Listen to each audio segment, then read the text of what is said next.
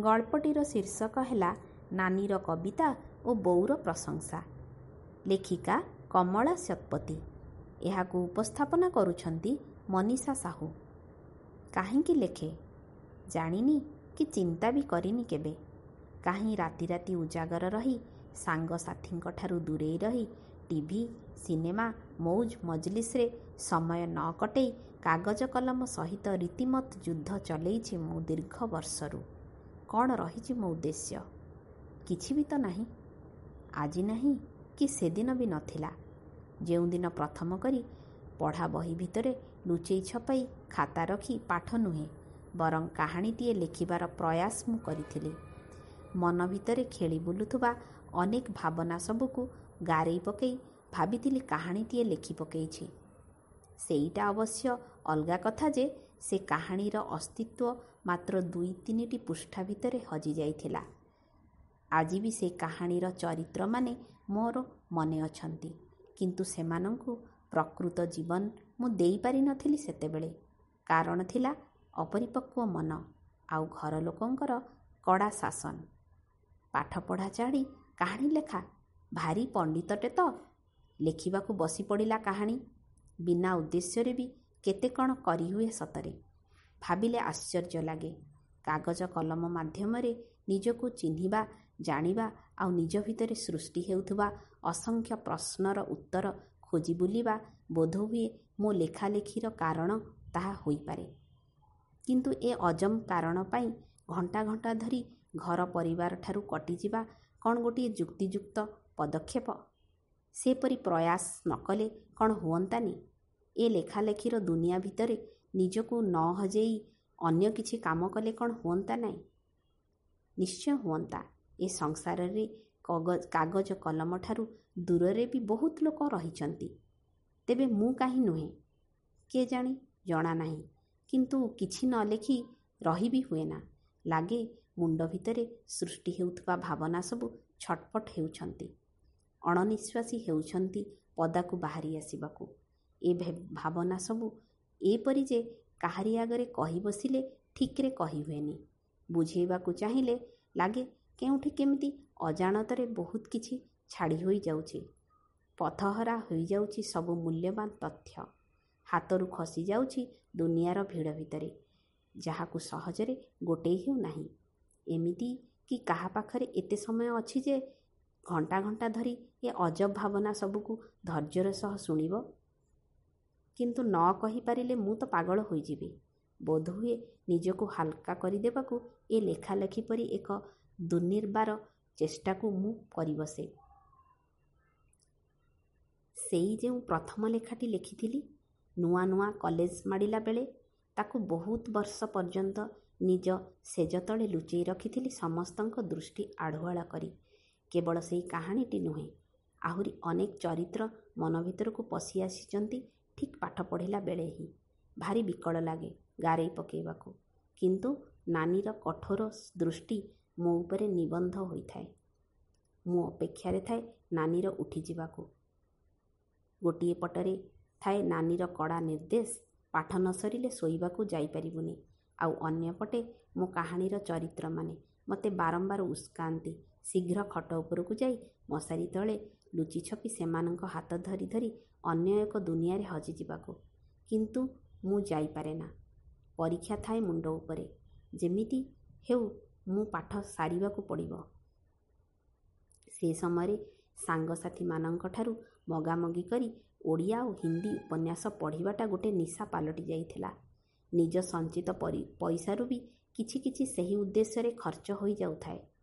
ନାନୀ ଯେହେତୁ ଓଡ଼ିଆରେ ଏମ୍. ଏ. କରୁଥିଲା ତା' ପାଇଁ କଲେଜ ଲାଇବ୍ରେରୀରୁ ଭାଇନା ବିଶିଷ୍ଟ ସାହିତ୍ୟିକମାନଙ୍କର ବହୁତ କାଳଜୟୀ କୃତି ଘରକୁ ଆଣୁଥିଲେ ଯାହାକୁ ସେ ପଢ଼ିବା ଆଗରୁ ମୁଁ ଲୁଚେଇ ଛପେଇ ବୁଝେ କି ନ ବୁଝେ ପଢ଼ି ଯାଉଥିଲି। ସେହି କ୍ରମରେ ପରଜା, ହା-ଅର୍ଣ୍ଣ, ମାମୁଁ, ଛ'ମାଣ ଆଠଗୁଣ୍ଠ, ଲଛମା, ଗୋଦାନ, ମାଟିମଟାଳ, ମାଟିର ମଣିଷ ଆହୁରି କେତେ କ'ଣ ପଢ଼ି ପକାଇଛି ତା'ର ନାଁ ବି ମନେ ନାହିଁ। ସେଇ ପଢ଼ିବା ସମୟରେ ବାରମ୍ବାର ମନକୁ ଆସେ। ମୁଁ ଯେମିତି ରାତି ରାତି ଉଜାଗର ରହି ଏମାନଙ୍କ ବହିସବୁ ପଢ଼ୁଛି ସେମିତି କ'ଣ ଦିନେ କେବେ ଆସିବନି? ଯେବେ ମୁଁ ଲେଖିବି ଆଉ ଅନ୍ୟମାନେ ରାତି ଉଜାଗର ରହି ତାକୁ ପଢ଼ିବେ? ମୋ ପରି ସେମାନେ ବି ମୁଗ୍ଧ ହୋଇ କଳ୍ପନା ରାଜ୍ୟରେ ବିଚରଣ କରିବେ ମୋ ଲେଖା ସବୁ ପଢ଼ୁ ପଢ଼ୁ। ସେମିତି ଏକ ସ୍ୱପ୍ନ ବାସ୍ତବ କରିବାର କଳ୍ପନା କରି ଧାଇଁଯାଏ ମୁଁ ଟେବୁଲ ପାଖକୁ।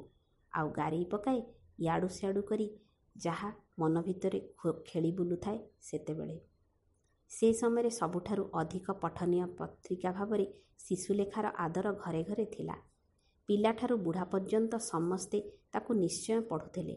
ଲେଖାର ମାନ ଅତ୍ୟନ୍ତ ଉଚ୍ଚକୋଟୀର ରହିଥିଲା। ଉଣେଇଶହ ପଞ୍ଚସ୍ତରୀ ଛଅସ୍ତରୀ ମସିହାର କଥା। ନାନୀର ଲେଖାଟିଏ ସେଥିରେ ପ୍ରଥମ କରି ପ୍ରକାଶ ପାଇଲା। ମାଆର ମମତା। ନନା ବୋଉଙ୍କର ସେତେବେଳେ ଖୁସିର ଖୁସି ଆଜି ବି ମୋ ମନରେ ଅଛି।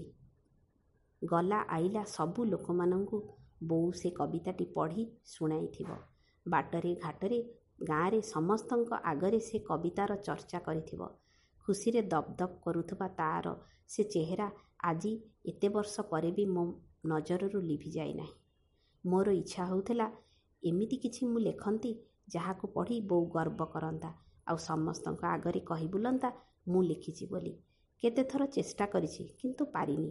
ରାଗ ଆସିଛି ନିଜ ଉପରେ। ଏତେ ଏତେ ଲୋକ କେତେ କ'ଣ ଲେଖୁଛନ୍ତି? ଆଉ ମୁଁ ସାମାନ୍ୟ କବିତାଟେ ବି ଲେଖିପାରୁନାହିଁ ଏତେ ବହିପତ୍ର ପଢ଼ି ତାହେଲେ କି ଲାଭ ହେଲା? ତା ମାନେ ଶିଶୁଲେଖାର ପୃଷ୍ଠାରେ ମୋର ନାଁ କେବେ ବି ବାହାରିବନି? ଦୁଃଖରେ ଭାଙ୍ଗି ପଡ଼େ ମୁଁ। ରଫ୍ ଖାତାରେ ଗାରାଇଥିବା ସବୁ ଲେଖାକୁ ଚିରି ଚାରି ଫୋପାଡ଼ି ଦିଏ। ଏବଂ ଶପଥ ନିଏ ଆଉ ସେସବୁକୁ ମୁଣ୍ଡରେ ପୁରାଇବିନି। ହେଲେ ଦିନ କେଇଟା ଭିତରେ ନିଜ ଶପଥ ମୁଁ ନିଜେ ଭୁଲିଯାଏ। କେଉଁଠି ପ୍ରଜାପତିଟିଏ କି କଙ୍କିଟିଏ ଅଥବା ସୁନ୍ଦର ଫୁଲଟିଏ ଦେଖିଲେ ମନ ମୋର ପୁଣି ଉଚ୍ଛାଟ ହୁଏ ଲେଖିବାକୁ। ମନେ ମନେ ଭାବେ କିଏ ପଢ଼ୁ କି ନ ପଢ଼ୁ ଲେଖିବାକୁ ମୋତେ ଭଲ ଲାଗୁଛି ତେଣୁ ମୁଁ ଲେଖିଯିବି। କିନ୍ତୁ ଖୁବ୍ ଶୀଘ୍ର ସେ ସୁଦିନ ମୋ ଜୀବନରେ ଆସିଗଲା ଆଉ ସବୁ ହତାଶ ମୋର ଶେଷ ହୋଇଗଲା। ଯେତେବେଳେ ଉଣେଇଶହ ତେୟାଅଶୀ ମସିହାରେ ଶିଶୁଲେଖାର ଗର୍ବର ଫଳ ନାମରେ ଗୋଟିଏ ମୋର ଗୋଟିଏ କାହାଣୀ ଛପା ହେବାକୁ ଯୋଗ୍ୟ ହୋଇଗଲା। ଖୁସିରେ ଆତ୍ମହରା ହୋଇ ଉଠିଲି। ମୁଁ ଯେ ଲେଖାଲେଖି କରିପାରିବି ସେ ବିଶ୍ୱାସ ମୋର ହୋଇଗଲା। ସମସ୍ତଙ୍କୁ ନେଇ ପଢ଼େଇଲି କିନ୍ତୁ ବାସ୍ତବରେ ସେ କାହାଣୀଟା ଯେ ମୋ ଦ୍ୱାରା ଲେଖା ହୋଇଥିବ ତାହା ବିଶ୍ୱାସ ବି କେହି କରିନଥିଲେ। ମୋତେ ପ୍ରମାଣ ଦେବାକୁ ହେଲା ରଫ୍ ଖାତାରେ ଗାରେଇଥିବା ଲେଖାକୁ ଦେଖେଇ। ସମସ୍ତେ ଖୁସି ତ ହେଲେ। ମାତ୍ର ଯିଏ ଦେଖିଥିଲେ ସବୁଠାରୁ ବେଶୀ ଖୁସି ହୋଇଥାନ୍ତା ସମସ୍ତଙ୍କ ଆଗରେ କହି ବୁଲୁଥାନ୍ତା ସେତେବେଳକୁ ସେ ଆଉ ଇହଧାମରେ ନଥିଲା। ହଁ ଉଣେଇଶହ ବୟାଅଶୀ ମସିହା ଦୀପାବଳିର ରାତି। ଆମ ପାଇଁ ଥିଲା ସବୁଠାରୁ ଅନ୍ଧାରର ରାତି। ବୋଉ ଆମକୁ ଛାଡ଼ି ଚାଲିଯାଇଥିଲା ସେଇ ରାତିରେ। ଆଜି ଏତେ ବର୍ଷ ପରେ ହଜାରେ ଉପରେ ଲେଖାଲେଖି ପୁରସ୍କୃତ ହେଲା ପରେ ପାଠକୀୟ ପ୍ରଶଂସା ପାଇଲା ପରେ ବି ମନରେ ଅଫସୋସର ପାହାଡ଼ ଜମା ହୋଇ ରହିଯାଇଛି। ଯେ ନାନୀର ସେଇ ଛୋଟିଆ କବିତାଟି ଯେଉଁ ପ୍ରକାରର ପ୍ରଶଂସା ପାଇଥିଲା ସେହିପରି ପ୍ରଶଂସା ଥରେ ବି ମୋ ଜୀବନରେ ମୁଁ ପାଇପାରିଲି ନାହିଁ। ସ୍ୱଳ୍ପ ଶିକ୍ଷିତା ହୋଇ ବି ବୋଉର ସାହିତ୍ୟ ପ୍ରତି ଥିଲା ଦୁର୍ବାର ଆକର୍ଷଣ। ପିଲା ଛୁଆଙ୍କ ଜଞ୍ଜାଳ ସାଙ୍ଗକୁ କୁଣିଆ ମୈତ୍ରଙ୍କ ଭିଡ଼ ଭିତରୁ ବି ସମୟ ବାହାର କରି ପଢ଼ି ପଢ଼ିର ପଢ଼ାପଢ଼ିର ନିଜ ରୁଚିକୁ ସେ ନିଶ୍ଚୟ ପୂରା କରୁଥିଲା। ସୁଚରିତା ଆସନ୍ତାକାଲି ନବରବି ଝଙ୍କାର ଜହ୍ନମାମୁଁ ଶିଶୁଲେଖା ଏସବୁ ପତ୍ରିକା ଆମ ଘରକୁ ସେତେବେଳେ ଆସୁଥିଲା ଏବଂ ସବୁକୁ ସେ ନିଶ୍ଚୟ ପଢ଼ୁଥିଲା। ମନଛୁଆ କାହାଣୀଟିଏ ହୋଇଥିଲେ ତାକୁ ବାରମ୍ବାର ପଢ଼ୁଥିଲା। ସମସ୍ତଙ୍କ ଆଗରେ ପ୍ରଶଂସା ବି କରୁଥିଲା। ତା ସହିତ ପଢ଼ୁଥିଲା ରାମାୟଣ ଦ୍ରାଢ଼୍ୟତା ଭକ୍ତି ଦାଣ୍ଡି ରାମାୟଣ ଲକ୍ଷ୍ମୀ ପୁରାଣ ନନ୍ଦକିଶୋର ଗ୍ରନ୍ଥାବଳୀ ରାଧାନାଥ ଗ୍ରନ୍ଥାବଳୀ ଏମିତି ଏମିତି କେତେ କ'ଣ। ତାପରି ପାଠିକାଟିଏ କିନ୍ତୁ ମୋର କୌଣସି ଲେଖା ପାଇଁ ନଥିଲା। ତାହା ହିଁ ମୋ ଜୀବନର ସବୁଠାରୁ ବଡ଼ ଦୁର୍ଭାଗ୍ୟ।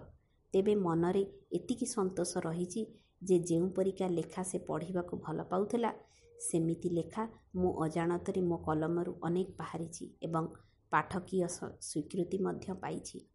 ସେହି ପାଠକମାନଙ୍କ ମଧ୍ୟରେ ବୋଉ ବି ଥାଇପାରେ। ହେଉ ପଛେ ଅନ୍ୟ କେଉଁ ରୂପରେ ଅବା ଅନ୍ୟ କେଉଁ ଅଞ୍ଚଳରେ। ମୋର ବିଶ୍ୱାସ ସେ କାହାଣୀ ସବୁ ତାକୁ ନିଶ୍ଚୟ ପସନ୍ଦ ହେଉଥିବ। ଆଉ ଆଜି ବି ଅନ୍ୟମାନଙ୍କ ଆଗରେ ସେସବୁର ବର୍ଣ୍ଣନା ନିଜ ଅଜାଣତରେ ସେ କରିଚାଲିଥିବ। ସେ ଅବଶ୍ୟ ସେ ଧାରାରେ ପରିବର୍ତ୍ତନ ଆସିଗଲାଣି। ସମୟ ସହିତ ତାଳ ଦେଇ ଲେଖାରେ ଆଧୁନିକତାର ପ୍ରବେଶ ହୋଇଗଲାଣି।